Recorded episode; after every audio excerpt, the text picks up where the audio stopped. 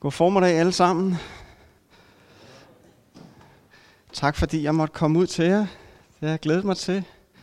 Det er sådan gamle venner herude. Det er dejligt. Og øh, jeg snakkede med Vigo, eller mailede med ham her for nogle dage siden. Og han fortalte mig, hvad I sådan var i gang med, og hvad I egentlig gerne ville have. Så måtte jeg altså bryde sammen og sige til ham, jeg er presset, Vigo. Kan jeg få lov til at tage noget med, som jeg har liggende. Og, og det gav han mig lov til. så hvis I ikke bliver tilfreds i dag, så er det altså mig, I skal være sur på, ikke Viggo. Det er ikke, det er ikke ham, der har, øh, har, har, har, har han har sagt, givet mig lov til for meget. Det er mig, der har tækket og bedt om det. Det betyder også, at... Øh, nej, nej, det, det siger jeg ikke noget. Men, øh, I får at vide, hvor vi skal hen lige om et øjeblik. Og vi zoomer sådan lidt ind på det. Jeg vil godt tage en tekst fra Matteus evangeliet frem. Matteus evangeliet, det er jo det første evangelium, vi sådan løber ind i i Nyt Testamente. Og Matteus har struktureret evangeliet sådan, at det er bygget op ved, at det har nogle, nogle, ligesom nogle grundstolper, der er sat fast i løbet af, af skriftet, og det er nogle taler, Jesus han holder, nogle prædikner, han holder. Og den første af de prædikner, vi kommer til, det er bjergprædiknen, kapitel 5-7 i Matteus evangeliet. Jesus taler om mange forskellige ting i bjergprædiken. En af de temaer, han tager op igen og igen, det er bøn. Jesus han siger noget om, hvordan vi ikke skal bede. Vi skal ikke øh, gøre ligesom hyklerne, siger han. Dem, der står på gader og stræder og gør et stort nummer ud af at vise folk, hvor gode og fromme kristne de er, og beder en hel masse. Vi skal heller ikke gøre ligesom hedningerne. De øh, rappler lange, eller i hvert fald gentagende, ramser afsted hele tiden, fordi de tror, at jo mere de siger, jo større er chancen for, at Gud han vil høre på dem. Sådan skal I ikke bede, siger Jesus. I stedet for, så skal I gå ind. Du skal gå ind i dit kammer, siger han. Og luk døren. Der, hvor der ikke er nogen andre, der ser dig, hvor der kun er en, der ser dig, din far i himlen. Og ham, der er der, hvor ingen ser, han vil høre det, som du beder, der hvor ingen andre gør det. Og så underviser Jesus disciplene om, hvordan de skal bede. Og øh, det helt centrale i det, han lærer dem i bjergprædiken om det, det er, at han lærer dem fader hvor. Fader hvor er øh, en god bøn at, at bede udenad, men den er også ment som en slags skabelon, som en slags prioriteringsliste over ting, som det er vigtige, at Guds børn beder til deres far om. Og så vender Jesus tilbage til temaet bøn i den tekst, som vi skal læse nu. Den står i kapitel 7 i Matteus evangeliet, vers 7-12. Det er på side 866 i sådan en øh, standard udgave, hvis det er sådan en, I sidder med. Og der står så sådan her. Ja, lad os rejse os og høre. Bed, så skal der gives jer. Søg, så skal I finde. Bank på, så skal der lukkes op for jer. For enhver, som beder, får, og den, som søger, finder. Og den, som banker på, lukkes der op for. Eller hvem af jer vil give sin søn en sten, når han beder om et brød? Eller give ham en slange, når han beder om en fisk?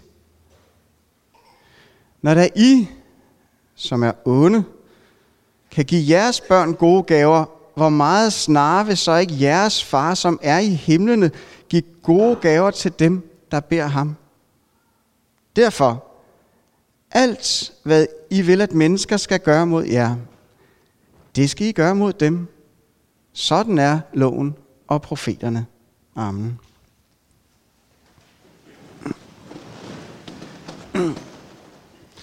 Måske især det første vers, vi læste her.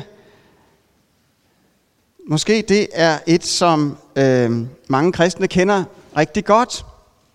Der er måske endda nogen af jer, der sidder her, der lært det udenad, da I var yngre. Jeg lærte det udenad i skolen, kan jeg huske.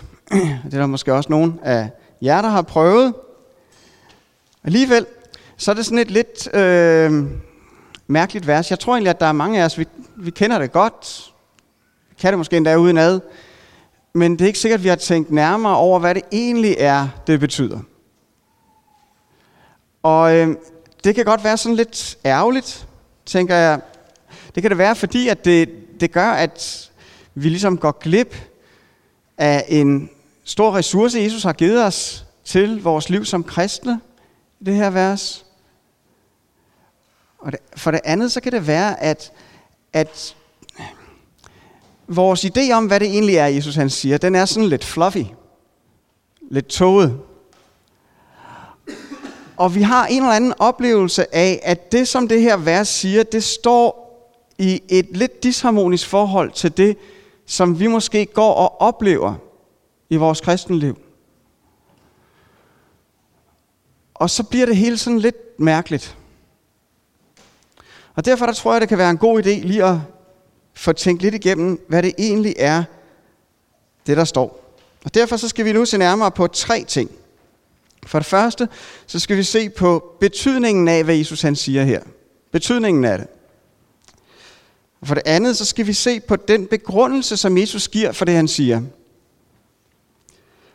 Og så er der en ting, vi også skal have fat i, nemlig det forhold, at der er en spænding i det her. Der er et problem. Den her tekst, den står lidt i et, et spændingsforhold til nogle andre tekster i Bibelen. Og derfor kan man godt komme til spørgsmålet, hvordan kan det egentlig være sandt, det Jesus han siger her? Og det skal vi så se på som det tredje. Altså først betydningen, så begrundelsen, og så hvordan kan det være sandt. Men allerførst betydningen. Jesus han siger, bed, så skal der gives jer. Søg, så skal I finde. Bank på, så skal der lukkes op for jer. Allerførst, Jesus han siger her, at vi, som er hans disciple, vi der tror på Jesus, har ham som vores frelser, og derfor ikke er Guds fjender, men hans børn. Jesus siger, at vi aldrig vil bede forgæves. At vores far i himlen, han altid svarer. Jeg er sådan en type, der kan øh, sidde og falde i tanker. Eller i hvert fald falde i staver. Og så kan der ske det, at folk kommer og siger noget til mig. Det kan endda være mine egne børn. Og så kommer der overhovedet ikke noget svar. Fordi jeg er sådan helt væk i de der dybe, filosofiske, alvorlige tanker. Ikke også? Eller også bare i bevidsthedsmæssigt nirvana, eller hvor jeg nu er henne. Det Jesus siger her, det er, at vores far i himlen, han er meget, meget anderledes. Han ser dig. Han lytter, og han svarer altid. At vores far i himlen altid hører og svarer sine børn, det er måske det mest gennemgående tema, når Jesus han siger noget om bøn. Det er vigtigt, og det er noget, der skal brænde os som det første ind i vores samvittighed og vores bevidsthed, det her. At vores far i himlen, han hører altid. Han lytter til os. Vi beder aldrig forgæves. Han svarer altid. Og det gælder alle hans børn. Jesus sagde, for enhver som beder, han får. Og så videre. Så Jesus han opfordrer os altså her til at bede, til at søge, til at banke. Selve rytmen i den måde, Jesus han siger det her på, og, og også hans ordvalg, det, øh, er noget, der viser, at han øh, opfordrer os til at blive ved med at bede. Ligesom du ved, når brillerne er blevet væk, og du leder efter de der briller med lys og lygte, og med fokus, og du bliver ved og bliver ved og bliver ved, indtil du finder dem. Eller spørg konen, hvor alverden de er blevet af, ikke også? Den der søgen, den der vedblivende, fokuserede, intense bøn, den beder, den øh, opfordrer Jesus os til. Bliv ved med, billedligt talt, og banke på døren til Gud, siger han. Betyder det så, at vores forhold til vores far i himlen, det er lidt ligesom Aladdins til lampens ånd, bare hvor der ikke er nogen begrænsninger på antallet af ønsker?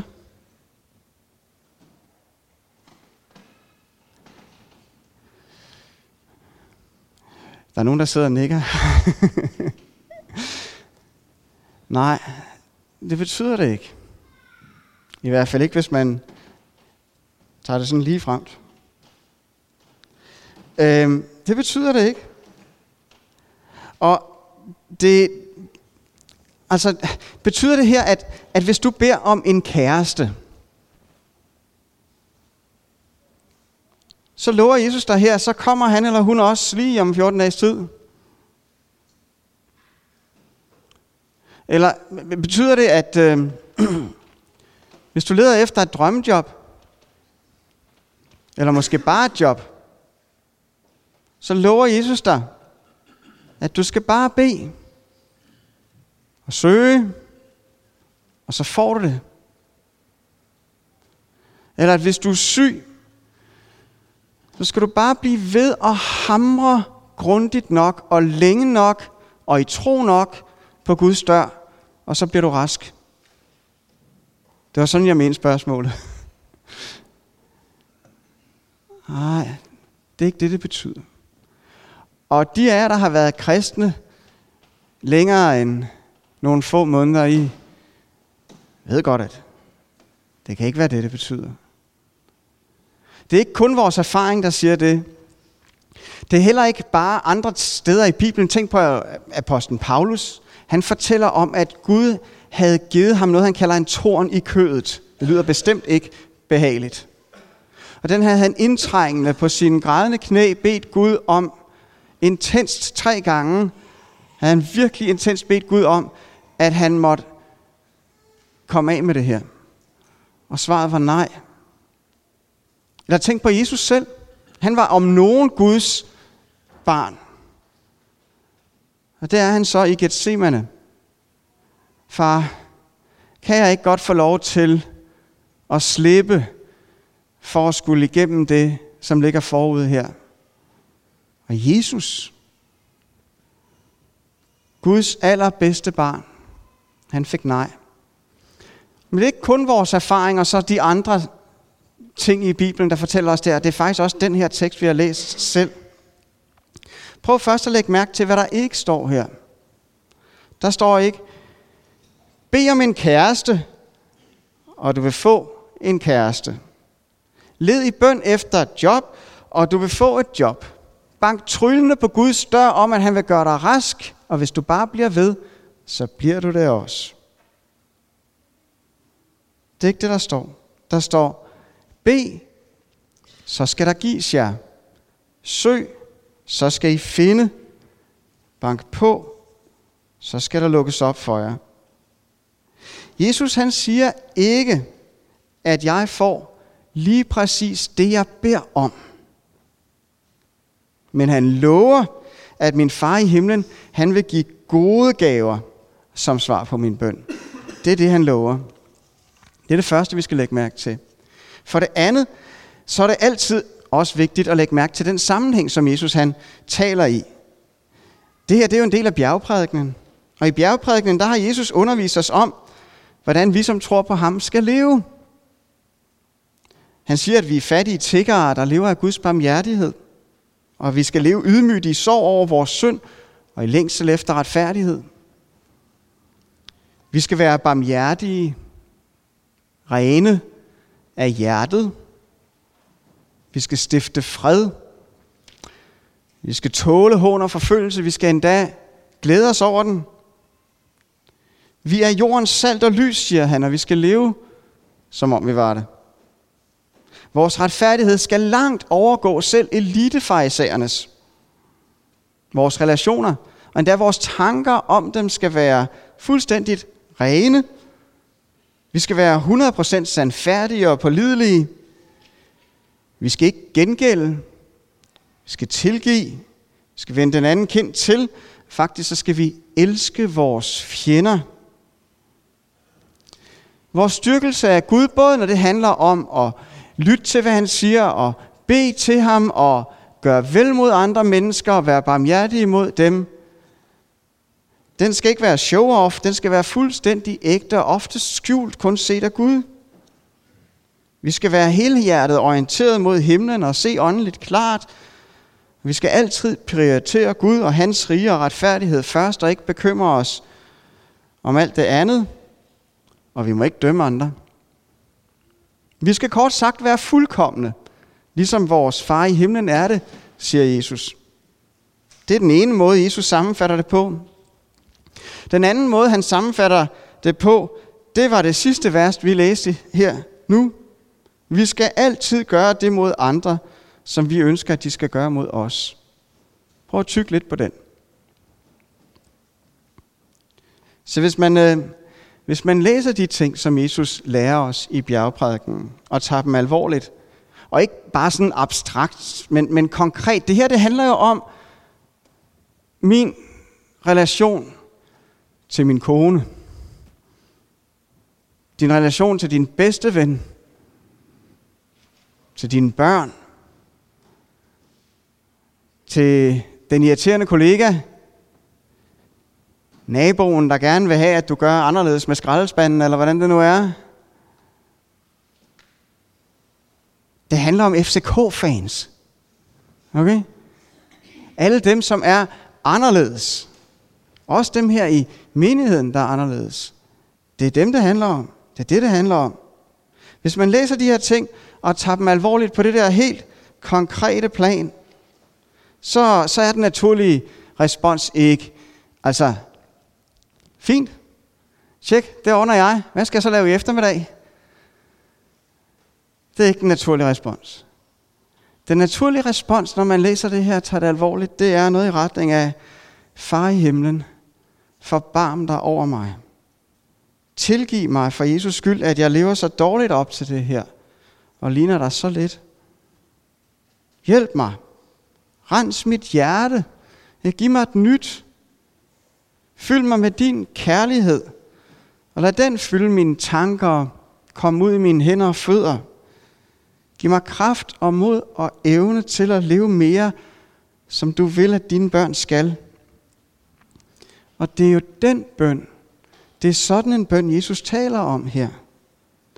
Det er en bøn om barmhjertighed og syndernes forladelse på grundlag af, hvad Jesus har gjort. Det er en bøn om at nå målet, Guds rige og hans retfærdighed. Det er en bøn om, og det her det er vigtigt, det er en bøn om at få ressourcerne til at leve mere efter alt det, som Jesus har lært os.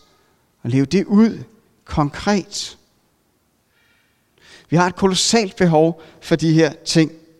Jesus han har givet os en gigantisk opgave, og der er mange hindringer, stor modstand, både uden for os selv og inden i os selv.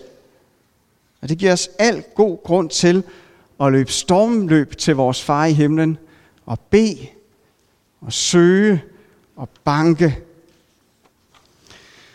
Der kan være mange forskellige årsager til, at man som kristen ofte kan synes, at øh, det går ikke så langt, så hurtigt fremad, det der med at leve sådan, som Jesus siger, at vi skal. At det måske ofte er et skridt frem og to tilbage. Det kan skyldes, at en af de ting, som Gud Helligånd gør i vores liv, det er, at han viser os mere og mere af, hvor fuldstændigt 100% vi er afhængige af Jesus og det, han har gjort for os.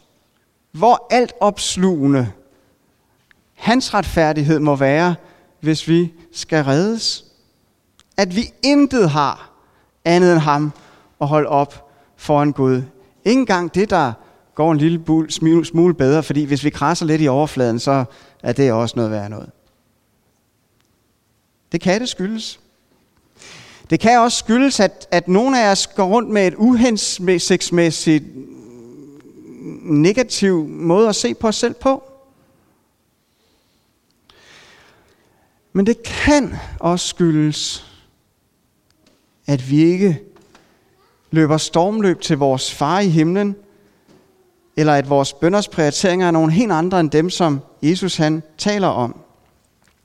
Jesu lillebror Jakob, han måtte skrive sådan her til nogle kristne på et tidspunkt. I strides og kæmper, men opnår intet, fordi I ikke beder. Eller I beder og får alligevel intet, fordi I beder dårligt, kun for at øsle det bort i jeres synder. Kære venner, skal vi ikke prøve at hjælpe hinanden til, at det ikke skal være bønsløshed, der er problemet hos os. Lad os dagligt løbe stormløb til vores far i himlen. Bed ham om at give os hjælp til helt nede på det konkrete plan i de relationer, som det her handler om for os hver især. Og leve sådan, som Jesus har lært os. Lad os bede hver især for os selv. Lad os bede for hinanden. Lad os bede hinanden om at bede for hinanden. Lad os i positiv forstand spamme himlen med bønder om og, og intensiv søgning efter Guds hjælp og kraft. Og lad os blive ved og blive ved og blive ved med at hamre på Guds dør om de her ting. For Jesus han har heldigvis givet os langt mere end en uendelig stor opgave i det her. Han har givet os et vidunderligt løfte. Vores far han vil give. Han vil lade os finde han vil åbne døren. Han lytter altid. Vi beder aldrig forgæves. Ofte så giver Gud os noget, som er lidt eller meget anderledes end det, vi bad om, eller havde regnet med at få. Nogle gange, så lader han os finde noget, der er noget andet end det, vi troede, vi ledte efter – og det kan også godt ske, at den dør, han åbner for os, den går ind til et rum, der er anderledes møbleret, end vi havde regnet med. Og vores fars timing, den er ofte en helt, helt anden end vores. Men han svarer, og han giver, han lader os finde, og han åbner op for netop de ting, som er hans hjælp til os i vores kamp for at ligne ham mere og nå målet. Og han giver altid gode gaver. Hvordan kan vi vide, at han altid giver gode gaver? Lad os se på begrundelsen, som Jesus han giver. Hvem af jer vil give sin søn en sten, når han beder om et brød, eller give ham en slange, når han beder om en fisk? Når der I, som er onde, kan give jeres børn gode gaver, hvor meget snarere vil så ikke jeres far, som er i himlene, give gode gaver til dem, der beder ham. Da jeg var lille, så var jeg af en eller anden grund, som jeg overhovedet ikke kan forklare, der var jeg vild med røget ål. Og når jeg så sad ved bordet der med hagesmæk og det hele, og den lå på fadet foran mig, så havde jeg sjovt nok aldrig nogen grund til at være nervøs for, om min far skulle have fundet på at læse en sort hugorm ind som erstatning for den ægte vare. Fordi man skal altså lede lidt for at finde en far, der kan finde på sådan noget der. Når I skal have frokost her efter gudstjenesten, og der er en af børnene, der kommer og spørger sin far, om han ikke kan række ham en af de der boller op på bordet, han ikke kan nå, eller hvad det er. Men der så er en af dem, der har taget en, en malet sten med, der ser sådan, ligner sådan en bolle der, ikke? Også, og så giver barnet den for at kunne rulle rundt på gulvet af grinen, og unge knækker tænderne på den lige om lidt. Nej, vel? For, for vi fædre, vi forstår sådan nogenlunde at give vores børn det, som er godt for dem. Og det gør vi, selvom vi er onde, siger Jesus. Bibelens menneskesyn, det, det er jo sådan tosidigt. På den ene side, så er vi skabt i Guds billede. Vi er underskønne. Vi er kvalitativt mere højagtværdige end noget som helst andet Gud, han har skabt. Og derfor der kan der være en utrolig skønhed og godhed blandt mennesker. På den anden side, så er vi faldet i synd. Vi er kommet under dens magt. Den sidder i det, vi kunne kalde vores åndelige DNA inde i vores inderste. Og derfor så er vi onde. Men selvom vi er onde, siger Jesus, så kunne vi ikke finde på at give sten for brød eller slanger for fisk til vores børn. Hvor meget mere vil det så ikke gælde for den Gud, der er god ham, der er god og kun god. Ham, der er al godheds kilde. Ham, som lod sin søn blive et menneskebarn, for at vi kunne blive Guds børn. Sine børn vil han gøre os til. Hvor meget mere vil det ikke gælde for den vidunderligt gode far, at han vil give gode gaver til os, når vi beder ham. Han ser os, han lytter, og han svarer altid. Og det med lutter gode gaver. Der er måske noget mere i de, lige præcis de eksempler, som Jesus han bruger. Nogle af de brød, man bagte på Jesu tid i Galilea, har jeg læst mig til, de kunne faktisk godt ligne en sten. Og der fandtes eller findes fisk, man hiver op af søen i Genesaret, som også er gode på et middagsbord, men som er sådan lidt ålagtige og kan forveksles med slanger.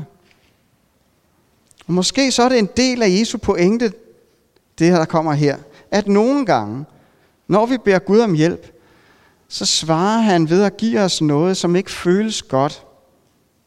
Og vi kan opleve det, som om han har givet os sten i stedet for brød.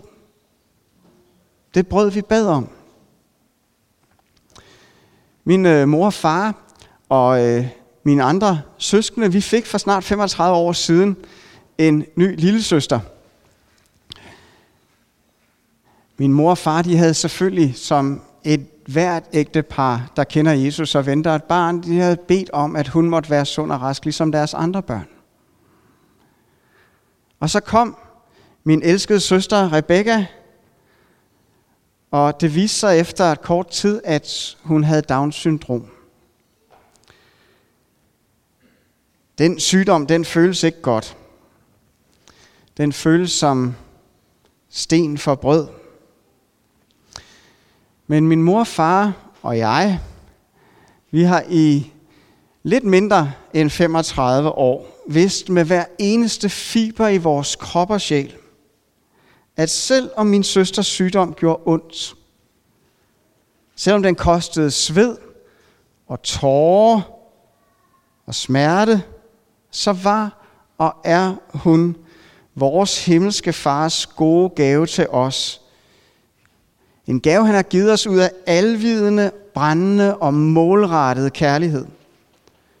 Hun er en del af hans hjælp til os til at lære at leve mere, som Jesus har lært os til at nå målet. Hun var brød. Hun er brød. Jeg ved ikke, hvad du måske har fået, som du nogle gange tror er en sten eller en slange. Men jeg ved, at Jesus han siger her, det er ikke en sten. Det er ikke en slange. Ikke engang en menneskefar, som har ondskaben i sit inderste, vil give sådan noget til sine børn. Og derfor så vil din far i himlen, ham der er definitionen på godhed, han vil aldrig give dig sten for brød. Når mine børn derhjemme, de beder mig om at få lov til at slippe for det, som vi kalder praktisk time. Det er noget, der foregår efter aftensmaden hver dag derhjemme. Bare roligt, det var ikke altid en hel time, men det er meget praktisk. Øh, så siger jeg nogle gange ja. Fordi jeg vurderer, at de trænger faktisk mest til at få lov til at hvile sig lidt på sofaen nu, eller slappe af. Det er det bedste for dem lige nu. Og andre gange, så siger jeg nej.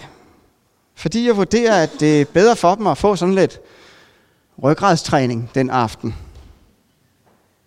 Nogle gange så beder de om en is, fordi de bare ikke kan klare sig i to minutter mere, uden at de får noget koldt sukker til hjernen eller kroppen, eller hvad det nu kan være. Og det skal gå stærkt, og det skal være nu, far. Og så løber Maria ud og kører os fattige, fordi hjemmeis lige har ringet med klokken.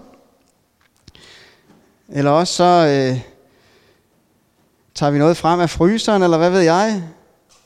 Øh, eller også så siger vi nogle gange nej. Og så giver vi dem det, man vist kan kalde nogle mere komplekse kulhydrater. Øh, fordi vi vurderer, at de faktisk vil være en bedre hjælp for dem til at nå et værdifuldt mål, som vi har. Nogle gange så er mit svar på deres bøn lidt træning i at udsætte deres behovstilfredsstillelse. Jeg forsøger at give dem det, som jeg vurderer er den bedste blanding af vind i ryggen og lidt modvind og udfordring. Det har børn godt af. At få en god balance af.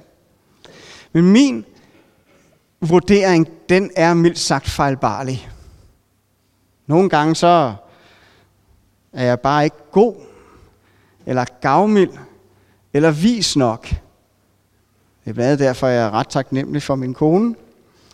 Men når min far i himlen, han vurderer, hvad der er godt for mig, når jeg skal vokse i at leve, som Jesus han har lært mig at nå målet, så vurderer han aldrig forkert. Han er uendelig gavmild, og han er kun god. Det er sket, at han i sin godhed har givet mig noget, der medførte lidelse og smerter og gjorde ondt, og som jeg overhovedet ikke kunne se meningen med. Men det var hans gode hånd, der gav det ud af alvidende, brændende, målrettet kærlighed til mig. Til tider så har det føltes som sten, men det var brød. Godt brød. For vores gode far i himlen, han lytter altid, han svarer, og han giver altid gode gaver i uendelig visdom og målrettet brændende kærlighed. Det er begrundelsen, Jesus giver for, at vi skal løbe stormløb til vores far i himlen. Så er der den her spænding, som vi lige skal nå til sidst. Hvordan kan det her være sandt? Det er måske ikke lige det spørgsmål, som I alle sammen sidder med, men det er faktisk et, et relevant spørgsmål. Fordi når Jesus han siger, bed, så skal der gives jer, søg, så skal I finde, bank på, så skal der lukkes op for jer, så står det i en vis spænding til nogle andre udsagn i Bibelen. Jeg kunne nævne flere for jer, men nu nævner jeg en af de ret kendte. Profeten Esajas, han måtte sige sådan her til Israels folk på et tidspunkt. Herrens arm er ikke for kort til at frelse. Hans ører er ikke for døve til at høre. Nej, det er jeres synder, der skiller jer fra jeres Gud. Jeres overtrædelser skjuler hans ansigt, så han ikke kan høre jer. Her der er det jo ret klart, at synd hindrer bønhørelse. Hvordan kan Jesus så sige, bed, så skal der gives jer, søg, så skal I finde, bank på, så skal der lukkes op for jer. Så spørgsmålet er faktisk ikke, hvordan Gud han kan bønhøre mennesker, der holder fast i deres synd og nægter at slås med den. For det siger Jesus faktisk ikke, at Gud han vil høre i sådan et tilfælde. Tværtimod så er hele Bibelen, altså Moses og profeterne og Jesus og apostlene, fuldstændig enige hele vejen igennem om, at vi kan ikke holde fast i synden med den ene hånd, og så med den del af vores hoved, der styrer den anden hånd, eller hvad man nu skal udtrykke det, regne med, at Gud vil høre på vores bønder. Vi kan ikke sige, det er lige meget med synden, den vil jeg ikke slås imod, og så regne med bønhørelse. Men det er egentlig ikke det, er egentlig ikke det der er spørgsmålet her. Spørgsmålet er, hvordan Gud overhovedet kan høre på os onde fædre, onde mødre, onde voksne, onde børn.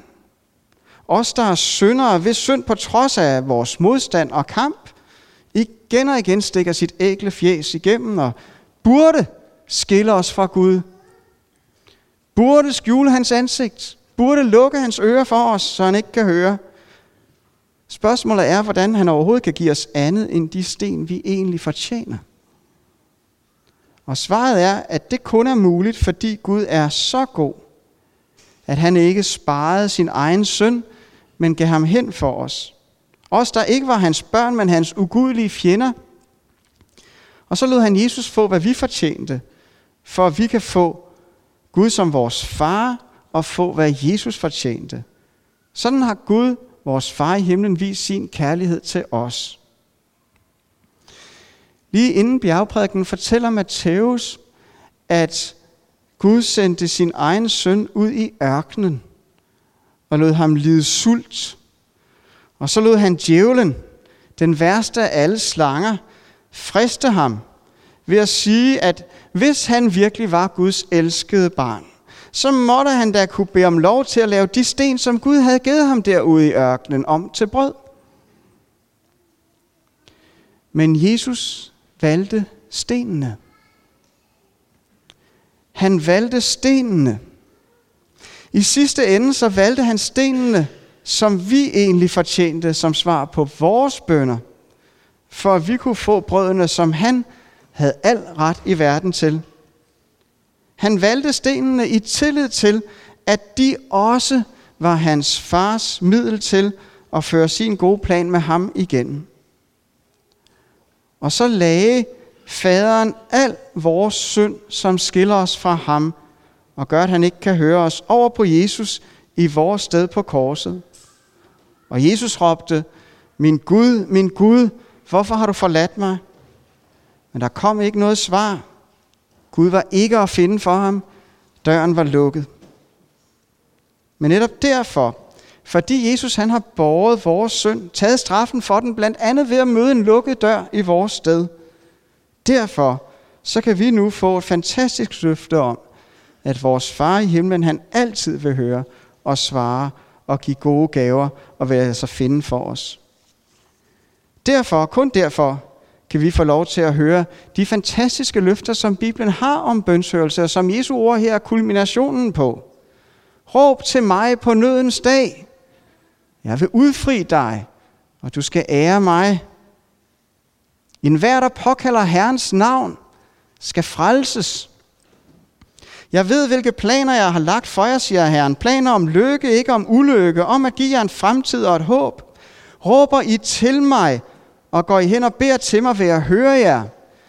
Søger I efter mig, skal I finde mig. Når I søger mig af hele jeres hjerte, er jeg at finde, siger Herren. B, så skal der gives jer. Søg, så skal I finde. Bank på, så skal der lukkes op for jer. Det her, det kan være sandt, og vi kan stole på Guds godhed, og de her løfter sandhed. Fordi, som Paulus han skrev, han, den Gud, som ikke sparede sin egen søn, men gav ham hen for os alle, vil han ikke med ham skænke os alt. Alt. En aller sidste ting mere. Jeg ved godt, jeg har strukket tiden lidt her. Selv da Gud han gav Jesus stenen i ørkenen, og den værste af alle slanger spid i hælen, da han hang på korset, så var alt det Guds middel til at føre sin gode plan med Jesus igennem. Til højt, eller til at bringe ikke bare os, men også Jesus selv, ultimativ glæde og mætning og tilfredsstillelse, til højt at ophøje ham og give ham navnet over alle navne.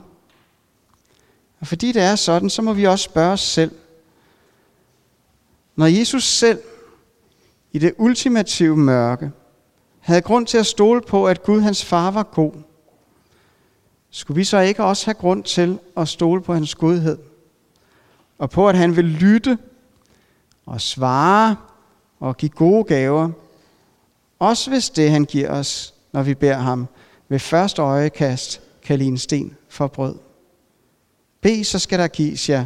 Søg, så skal I finde. Bank på, så skal der lukkes op for jer. Det er sandt. Det er evigt sandt, for Jesus har betalt for det. Derfor kunne han sige det. Derfor er det sandt. Lad os bede.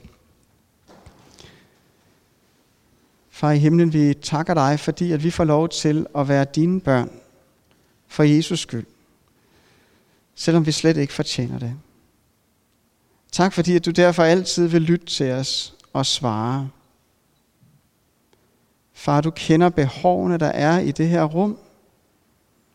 Du kender de dybeste og egentlige behov. Du kender sukkene. Du kender hver eneste af os. Vi beder dig om, at du må give os lige præcis det, vi har brug for, for at leve bedre, som du vil, for at nå målet. Jeg beder dig om, at du må hjælpe os til at være vedholdende i bøn, til at bede altid, og til at blive ved med det. For os selv og for hinanden. Far, vi siger ligesom patriarken Jakob, vi slipper dig ikke, før du velsigner os. Og vi takker dig, fordi vi ved, at du hører. Amen.